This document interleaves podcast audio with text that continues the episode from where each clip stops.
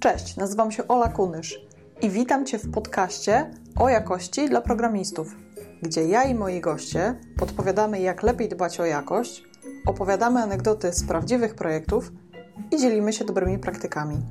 Dziękuję Ci, że tego słuchasz.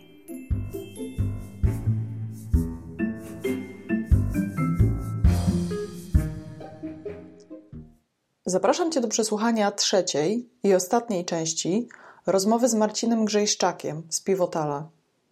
Marcin jest świetnym inżynierem oprogramowania i architektem.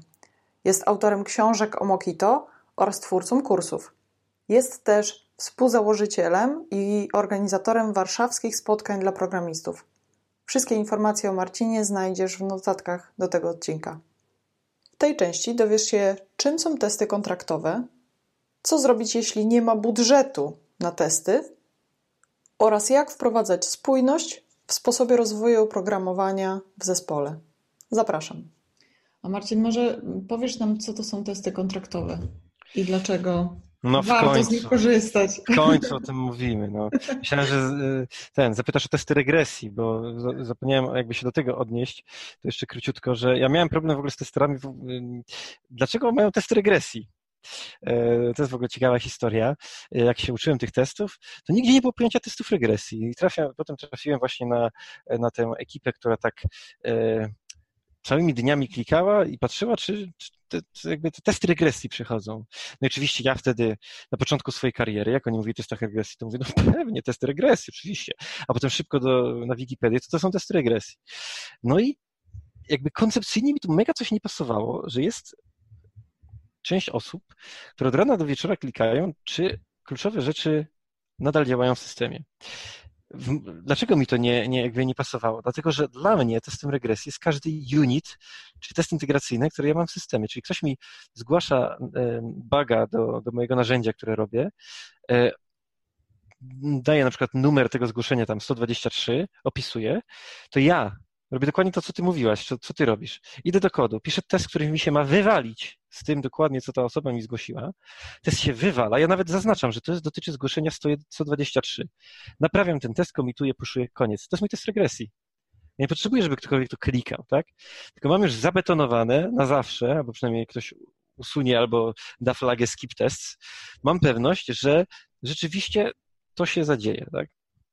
E, no, a jeżeli chodzi o testy kontraktowe, to jest temat, którym ja mogę mówić i mówić i mówić, bo zajmuję się tym już zawodowo od chyba pięciu lat ponad um, i chodzę na konferencje, mówię o tym samym, a nadal ludzie tego nie znają, więc mm, bardzo mnie to cieszy. Może ktoś mi powie tutaj na czacie, czy ktoś wie, co to są testy kontraktowe. Bo może chociaż jedna osoba wie. A jeżeli wszyscy, to znaczy, że moja praca została wykonana i mogę umierać. tak czy owak, testy kontraktowe są testy, które dotyczą takiego bardzo małego skrawka e, piramidy testów, czy tam, no może nie takiego małego, ale części, który dotyczy integracji. I teraz, co to jest ta integracja? E, takie TDD dla API. To chyba nawet ja powiedziałem. Od, e, ale ściągnąłem to od Kuby Kubryńskiego. Coś to było e, w prezentacji chyba. Tak. Więc dotyczy to takiego skrawka komunikacji, który polega na tym, i ty, nad tym się jakby z tym się spotykamy na co dzień. Chodzi o to, że mamy aplikację A i aplikację B i one ze sobą gadają na przykład po HTTP. I teraz piszemy testy dla aplikacji A. No i teraz, no co z tym B, tak? Mamy test integracyjny, no i wysyłamy ten request. No ale w naszych testach tego B nie ma, tak? Nie, nie odpalimy tego B. E, więc no, wysyłamy request, no i dostajemy connection refused, no bo wysyłamy żądanie do serwera, który nie istnieje. No to teraz jak ten, co z tym zrobić? No i są różne rozwiązania. No jednym z nich jest jakby, mm, że ja jako aplikacja A wymyślę, jak się aplikacja B zachowuje, tak? Czyli stworzę staba, powiedzmy, serwera HTTP. No tylko problem polega na tym, że jeżeli ja tak zrobię, że ja powiem, że B zachowuje się w określony sposób, to jest więcej niż prawdopodobne, że ja to wymyśliłem i powiem, że na przykład serwer B ma endpoint e, ABC, tak? No i piszę sobie testy, mówię, jeżeli dostaniesz ABC, to się zachowaj tak. No i wysyłam żądanie ABC, ok, tralala, pięknie, testy mi przechodzą. A potem idę na produkcję, wysyłam żądanie do B, a B mówi, nie mam czegoś takiego jak ABC. Więc y, y, trzeba ten problem jakoś rozwiązać, tak? No i jednym z rozwiązań są testy kontraktowe, są różne frameworki do tego. Te frameworki to nie wchodźmy, bo to nie ma żadnego sensu. Skupmy się na wysokopoziomowych rozwiązaniach, czyli opisujemy jakby w jaki sposób a i B mają rozmawiać, czyli tworzymy tak zwany kontrakt, czyli podpisujemy się krwią pod nim, że e, jeżeli wyślę request pod ABC, to zwracam status 200. I teraz ja po stronie klienta mogę z tego kontraktu wygenerować sobie staba, po polsku zaślepka, uwielbiam to określenie, e, i mogę sobie te testy odpalać, a po stronie producenta ja z tego kontraktu mogę wygenerować testy, które zweryfikują, czy ja faktycznie tak się zachowuje. Tak? E, no i są różne frameworki, jest Spring Cloud Contract, który robię ja, jest Pact, jest chyba Pacto, jakieś tam inne rozwiązania są, już ich nie znam, ale to są takie, takie główne. E, jak zacząć je pisać, to można zobaczyć sobie na O'Reilly kurs, który popełniłem. Nawet jeżeli używacie Pythona, czy właśnie PHP, czy tam cokolwiek, nie na JVM-ie, to e, ten Spring Cloud Contract może być też do tego użyty. Możecie użyć Pacta. No i chyba tyle, tak? No jak zacząć je pisać, no to poczytać sobie dokumentację, poczytać sample. E, dokumentacja e, Sprinkler Contract jest bardzo dobra ostatnio, bo kompletnie ją przepisaliśmy. E, dokumentacja Pakta też jest bardzo dobra, e, więc e, polecam Wam to rozwiązanie, bo rzeczywiście ratuje skórę wiele razy.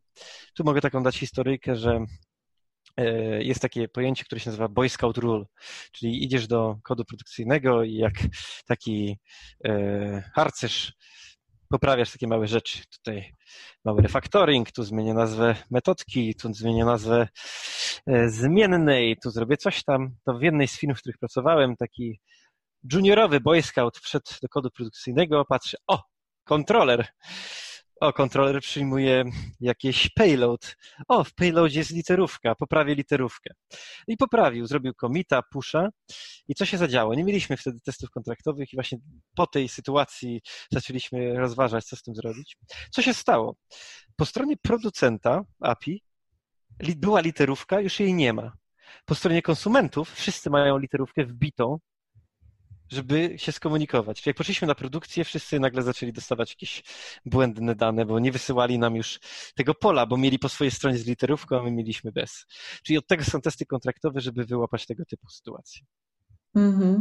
My mieliśmy taki słynny przykład, e, zamiast available ktoś właśnie e, zrobił literóweczkę i mieliśmy available e, w, no w bazie, no i też później w API, więc tłumaczyliśmy to, no i pewnego dnia ktoś właśnie przyszedł i to zrobił, ale na szczęście nasze testy to chwyciły i też właśnie ten Boy Scout Rule nie zadziałał w tym przypadku, także... Tu wrzuciłem na czata, jakby ktoś był zainteresowany. E, to jest tamten mój kursik, e, ale absolutnie ten, ten temat, tematyka testów kontraktowych jest mega, e, mega interesująca. Ja miałem mnóstwo prezentacji o tym, więc jeżeli ktoś jest zainteresowany, to zapraszam na moją stronkę tłumaczcoding.com i tam w zakładce Talks są wszystkie moje prezentacje, więc... Tak, jeżeli... można też wejść po prostu na YouTube i wpisać swoje nazwisko i jest dużo prezentacji. Tak? No tak, w sumie jak ktoś wejdzie na, YouTube, na YouTube'a to, to jest Polakiem, to jest w stanie moje nazwisko wpisać. E, ja mam taki tak mega czerstwy żart, który opowiadam za każdym razem za granicą, czyli właśnie przedstawiam się i mówię, że mój Twitter handle to jest M. Grzejszczak i widzę te uśmiechy politowania, że w ogóle jakby oczekuję, że ktoś to wymówi i, i mówię, ale możecie wejść na mojego bloga i, i zobaczyć to. I ja kiedyś siłą rozpędu powiedziałem to na Devoxie w Polsce. I, I to było, mówię, tak myślę sobie, Boże, przecież to są Polacy, tak? No oczywiście nikt się nie zaśmiał. Ale coraz bardziej podejrzewam, że tak naprawdę to nie jest tak, że z publicznością jest coś nie tak, tylko że te moje żarty są po prostu beznadziejne. No, trzeba robić jakiś y, feedback loop od czasu do czasu. Y, te wszystkie linki będą i do, y, do strony Marcina, i do kursu, i do tych książek, które tam padły, także to wszystko wyślę Wam jeszcze w mailu podsumowującym. Ale może Popatrzę jeszcze, co tam było napisane, bo um, ktoś napisał, że e, ch chyba wie, co to są testy kontraktowe, takie TDD dla e, API. Wiem, bo widziałem Twoją prezentację. O, dziękuję. Te, testy sprawdzające, czy klient i serwer są zgodne mniej więcej, fenomenalnie. Używamy PACT, fantastycznie. i są consumer driven i odwrotnie driven. Nie znałem pojęcia odwrotnie driven contract. To jest piękne, to też mi się podoba, sobie zapisałam ten cytat i myślę, że do Piotrka przybyła tutaj uderzę z tym, bo Piotrek jest e, jakby specjalistą od e, polskiego, od czystości polskiego języka e, wśród programistów, także myślę, że mu się to spodoba. Także Włodek, pozwolę sobie ten cytat wykorzystać. To on powinien napisać jakąś bibliotekę JPurist na przykład. Myślę, że jest w drodze do tego, tak. Ale może są jeszcze jakieś pytanka? Bo będziemy się zbliżać do końca. W ogóle ja już jestem w szoku, że tyle udało nam się upchać, bo nie sądziłam, że, że na te wszystkie pytania uda się odpowiedzieć w tym czasie. Ale może jeszcze coś. Ja mam tendencję do szybkiego gadania. Przez pierwsze kilka pytań właśnie tak przeszliśmy błyskawicznie i ja mówię, nie no, skończą mi się pytania po prostu, ale na szczęście się rozgadaliśmy gdzieś tam po drodze.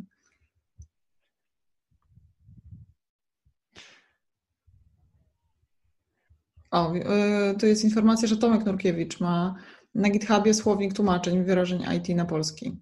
To musi być bardzo dobre. Ja chyba byłam tam kiedyś i jest to bardzo ciekawe. O, jest pytanie, czy uważamy, że e, profesjonalny programista może nie pisać testów? No.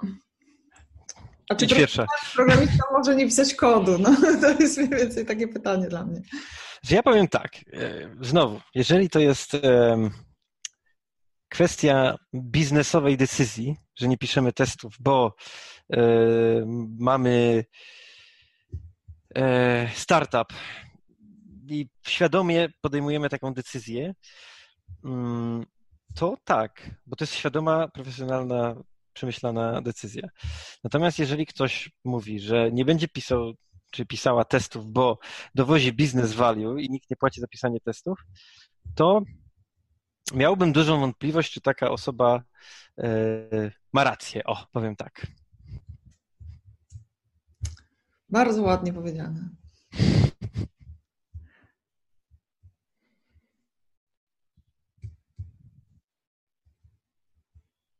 Proszę bardzo. Bardzo z przyjemnością, tak. Ale to też jest, bardzo często się pojawia to pytanie, e, razem zazwyczaj z historyjką, bo u nas w projekcie jest taka osoba, która nie chce pisać testów, tak, tak. Mój kolega tam nie tak chce jest. pisać testów. No. Czekałem jeszcze na, na e, pytanie, e, w jaki sposób przekonać management do tego, żeby pisać testy? Tak, tak. No, to dzisiaj powiedziałeś kilka razy, tak? Że data driven po prostu. Bierzesz liczby i, i, i prowadzisz tak. Tak, liczby. Tak. I bardzo fajna jest właśnie książka Release w tym, bo tam jest nawet taki cytat, ja sobie go pożyczyłem na e, moją prezentację właśnie o Continuous Integration Delivery i Deployment, że jeżeli wyliczysz, że jakaś, jakieś rozwiązanie da ci zwrot inwestycji, czyli ROI, tam kilkaset procent i idziesz do CFO i ten CFO mówi, że nie, to coś mocno jest nie tak z CFO. Tak? tak? To trzeba no zmieniać i pracę. Nie mamy czasu nie? na, na pisanie tak. testów. To jest tak jak jest ta historyjka taka, że, że pchają ten wóz na kwadratowych kołach. Tak, nie? tak. Nie ma budżetu, brzmi poważniej. No tak, ale budżet na to, żeby łatać dziury na ślinkę, to jest, prawda? Tak. Więc e, no to jest ciężko. Czasami ja mam w ogóle może to jest politycznie niepoprawne, ale jak e, parę razy jakby usłyszałem właśnie takie pytanie, a co jeśli management, a co jeśli coś, a co jeśli to, a co jeśli tamto, to na koniec mówię zmień pracę. Po prostu. Ty nie możesz zmienić projektu, to zmień projekt. No. no a to wiesz, nawet nie projekt w firmie, tylko po prostu pracę, tak? Znaczy chyba, że w innym projekcie jest lepiej, tak. Bo ja mam wrażenie, bo ja, już nieraz próbowałem zbawić świat, że będę walczył, potraktuję ten projekt, jakby to był mój własny po prostu, moja krwawica, siedziałem po godzinach, nikt mi orderu z ziemniaka za to nawet nie dał, e, a e, co się nadenerwowałem, to moje, tak? Więc ja bym powalczył, powalczył, a potem zmienił mm. pole bitwy. Ktoś napisał, jak, jak dużo kodu produkcyjnego piszesz w aplikacjach, który jest potrzebny tylko do testów? E, Krzysiek, pytasz o Sprinkle Contract? Czy jeżeli chodzi o e, bibliotekę do pisania e, jakby tych testów kontraktowych, tak? Jeżeli tak, to e, nie, poza samymi testami. A, okej. Okay. Czyli no to zależy od funkcjonalności tak naprawdę. Znaczy ja teraz to w ogóle dla mnie kodem produkcyjnym to jest, są biblioteki. Ja od nie pamiętam kiedy, czterech lat blisko. Już nie piszę kodu jakby produkcyjnego jako takiego. No, ten, powiedzmy, moim kodem produkcyjnym są właśnie biblioteki. Najbliżej kodu produkcyjnego takiego, jak e, większość mm, osób pisze, to są moje hello worldy jakieś albo sample. E, więc e, no, jakby nie, nie wiem, jak się do tego odnieść, ale kiedyś, no, e, nie wiem, jaki był stosunek. Mogło być nawet tak, że pisałem więcej kodu testowego, zdecydowanie więcej kodu testowego. Nawet dzisiaj tak jest, że piszę zdecydowanie więcej kodu testowego do. E... Dopisywałeś na przykład implementacji kawałek? żeby móc coś przetestować? Bo mi się na przykład zdarzyło coś takiego. Miałam y, testy integracyjne na poziomie API Gatewaya, E, no i mieliśmy część endpointów tylko przeniesioną, a część endpointów była jakby w adminie. I przeniosłam sobie taki endpoint jeden czy dwa, żeby po prostu dorobić sobie jakby e, dane, które były mi potrzebne do, do testów. Więc to był no jakby tak. kod, który był typowo napisany pod testy. A tak, to ja absolutnie robię to samo, że na przykład, e, jak mówiłem o tych. o, na przykład w pluginie Gradle'owym do Sprinkler Contract, jeżeli dobrze pamiętam, e, jed... chociaż może to nie tam, no nieważne, ale mieliśmy jedną z funkcjonalności, która była dla nas bardzo ważna, to jest logowanie. I weryfikowaliśmy, czy coś się zalogowało. To zmieniliśmy implementację tak, żeby można było podać swój customowy logger do testów, żeby można było weryfikować, co się printuje.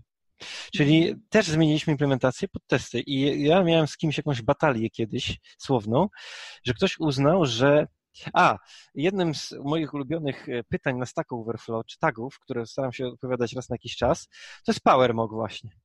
Uwielbiam odpowiadać na to, bo już bardzo często miałem minus ileś punktów za to niestety, że ktoś mówi, jak w PowerMoku przetestować metodę statyczną, która coś tam, coś tam. Ja na to patrzę i mówię, zrefaktoruj kod na taki.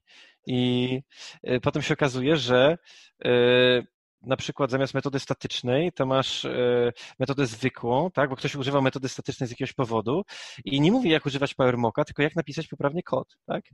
E, albo, że ktoś ma, powiesz, e, mokuje pola, to mówię, użyj konstruktora i dostaje potem znowu minusy na, na, na, na Stack Overflow. No zmierzam do tego, że czasami decyzje, które podejmujemy, mm, jakby zafiksujemy się na coś, tak? Mam PowerMoka, mam statyczną metodę i nie pomyślimy o tym, że najprostsze rozwiązania mogą nam dać najwięcej wartości.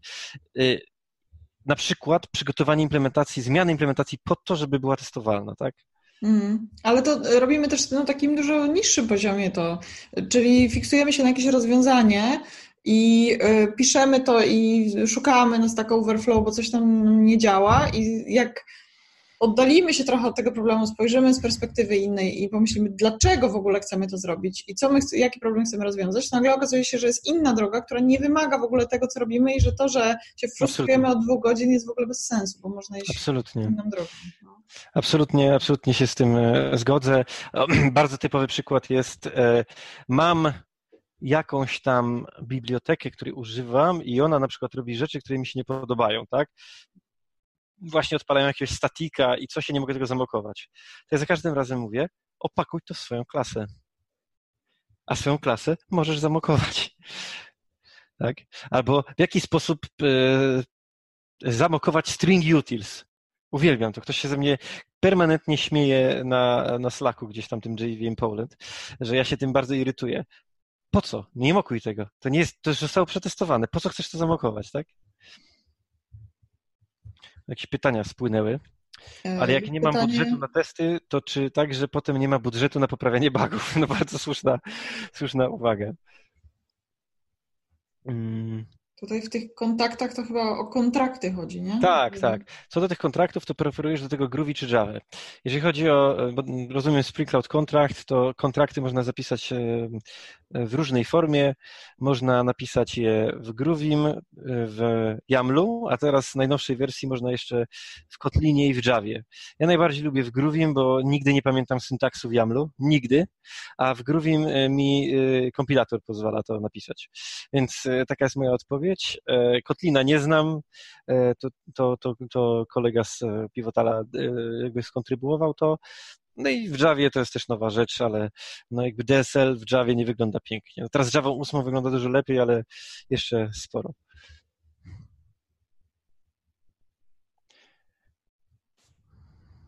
Jest pytanie, jak walczyć z tym, że napiszę test później, bo muszę wkomitować zmiany.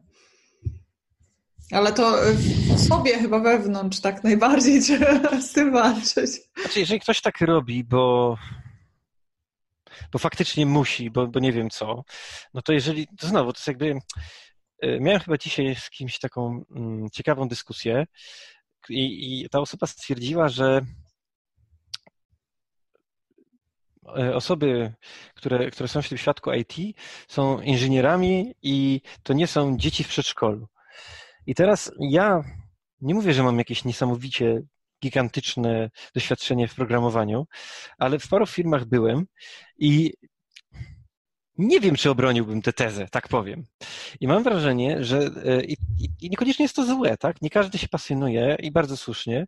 E, nie każdy ma podejście w ogóle inżynierskie. Natomiast e, efekt jest taki, że mam wrażenie, że jest pewien procent ludzi, którzy po prostu się nie zmienią w tym aspekcie, tak? I można to tłumaczyć, natomiast e, można zrobić tak, że mamy pull requesty i po prostu ktoś nie zaaprobuje tego pull requesta, tak? Nie można puszować do mastera, jest pull request, musi przejść review. Jeżeli nie ma testu, no dobrze, wkomituj te zmiany, zrób pusha do tego brancha, ale go nie zmerdżujesz, tak? Bo ja ci nie dam approve'a. Chyba, że się dogadamy i ty wysyłasz maila do mnie i do naszego szefa, że y, bierzesz na klatę, że nie napisałeś, nie napisałaś tego testu i jutro obiecujesz to poprawić, albo idziemy ci po pensji. Tak? No właśnie Piotrek pisze e, tutaj, co y, jeśli to jutro nie nadchodzi, to... Review, załóżmy, że review, tak? Nie można poszować do mastera, robimy code review, idziemy przez pull requesty. I nagle kończy się zabawa, tak? Nie można, nie można zmerdżować zmiany. Ja miałem raz taką sytuację i ona mnie jakby też bardzo zmobilizowała do tego, żebym zmienił pracę. Jako architekt, e, no też nadzorowałem jakby skoro byłem architektem, jakieś architektoniczne zmiany e, domeny biznesowej. Oczywiście ja e, nie miałem aż takiej dobrej wiedzy biznesowej jak niektóre osoby w firmie, więc też się z nimi konsultowałem w tej sprawie. Natomiast nagle po pół roku pracy na feature branchu ktoś zrobi pull requesta, który zmienia kompletnie core systemu. I ja powiedziałem, nie, to nie wejdzie. Przykro mi. E, I bo, bo to jest za duża zmiana, źle zrobiona i tak dalej. I zostało to wyeskalowane do szefa działu w e, Czechach akurat. I on powiedział, że jeszcze wyeskalował to wyżej i nakazał zmerdżowanie tego. Mhm. E, no, ale to świadczy już jakby o po prostu patologiach pewnych w firmie, które też pokazują, że może warto zacząć się mm, patrzeć na inne projekty, może w tej firmie albo w ogóle opuścić e, ten lokal, że tak powiem. Natomiast no, x razy to udało się zwalczyć poprzez code review, tak, że faktycznie nie można było bezpośrednio puszować kodu do mastera, tylko musiała przejść review, zbudowanie w ogóle e, i dopiero wtedy merge'a. Ja nie widzę innej opcji.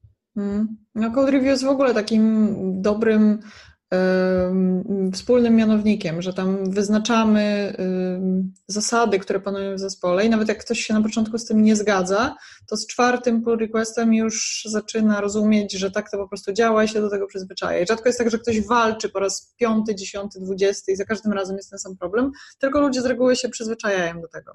Ja mam trzy komentarze do tego, że rzeczywiście tak jest i my e, w jednej z firm spisaliśmy po prostu e, na wiki, jakie są zasady, jeżeli chodzi o kodowanie, bo i to, to jest bardzo ciekawe, bo w Pivotalu mamy podobny problem, ale już zaczynamy z tym walczyć, że różne projekty w różny sposób kodują. Niektórzy taby, niektórzy spacje, niektórzy kropki, niektórzy coś tam. To już się zmieniło, bo mamy wspólnego check styla i to jest druga rzecz. Ja, ja nie znosiłem check styla, a teraz go bardzo, bardzo rozumiem, bo e, nie ma nic gorszego niż brak tego consistency, e, jak się, zapomniałem jak się po polsku mówi, no żeby się standardu, tak, spójności, mhm. żeby każdy robił tak samo, bo e, brak spójności jest tożsamy z kosztami. Czyli jeżeli zmieniamy projekty i nie ma tej spójności, to ja muszę się nauczyć na nowo, jak, jak wy to robicie, tak? E, e, w pewnym momencie w jednej z firm mieliśmy taki brak spójności, że aplikacje Javowe można było odpalać na różne sposoby na produkcji. Był, ktoś odpalał no-hapem, ktoś robił Java jar z tyldą, e, ktoś robił odpalenie skryptu jakiegoś, ktoś, no masakra ktoś miał ran SH, ktoś miał coś tam innego SH, masakra, tak? I potem ja przychodzę do nowego projektu, jak wy to odpalacie, jak to wypiszecie, tak? Więc mieliśmy tutaj tego checkstyle'a, pewne umowy i potem to już samo weszło. Natomiast tutaj zły komentarz jest taki, że w tej samej firmie trafiliśmy na taki fenomenalny zespół dwóch geniuszy, którzy i patrzę, że coś tam oni robią, tak widzę, że jakby dawno nie widziałem żadnego kodu, który oni by wpuszczowali. I tak się do nich odezwałem i mówię, no siema, siema, a gdzie jest wasz kod? Oni, nie widzę tutaj go na tym naszym staszu. Oni mówią, bo my go tam nie trzymamy. Jesteśmy we dwóch, siedzimy koło siebie, mamy to na komputerach u siebie, wysyłamy mailem. Jak e, odzyskałem przytomność e, po tym, jak e, to przeczytałem, to mówię, a w, jakim, w jaki sposób wy to budujecie? Gdzie jest wasz CI? Oni mówią, nie potrzebujemy, skoro to budujemy lokalnie. No to dosyć szybko ich wyprostowaliśmy i pojawił się staż i tak dalej. No ale wracam do tych pull requestów nieszczęsnych. No to oni robili, bo mieli też zablokowanego tego e, mastera, robili pull requesta i automatycznie sobie aprobowali, jeden drugiemu. Nie było testów, nie było nic.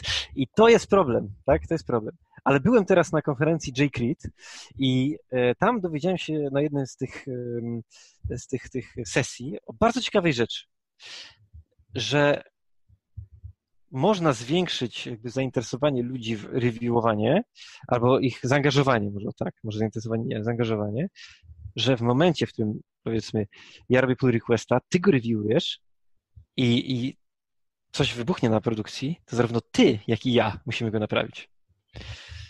Jeżeli tak jest, to wtedy już jest trochę inaczej, bo tobie zaczyna zależeć, bo nie masz ochoty w weekend yy, tak. naprawiać tego baga, tak?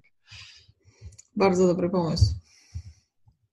Także Piotrek, jak yy, będzie taka sytuacja, to już wiesz, co zrobić. wiecie, wiecie, co z nim zrobić. Dobra, to co? Kończymy chyba. Chyba tak, bo nie widzę żadnych pytań. Nie już nowych pytań. Także dziękuję. Bardzo dziękuję Ci za poświęcony czas. Jeśli ten odcinek dał Ci wartość, to podziel się nim w social mediach albo wyślij go do jednej osoby. W notatkach do odcinka znajdziesz linki do bloga, kanału na YouTubie i mojego Twittera. Jeśli masz jakieś pytania albo sugestie, to napisz do mnie na olamałpka szkoła Niech moc będzie z Tobą. Ola Kunysz.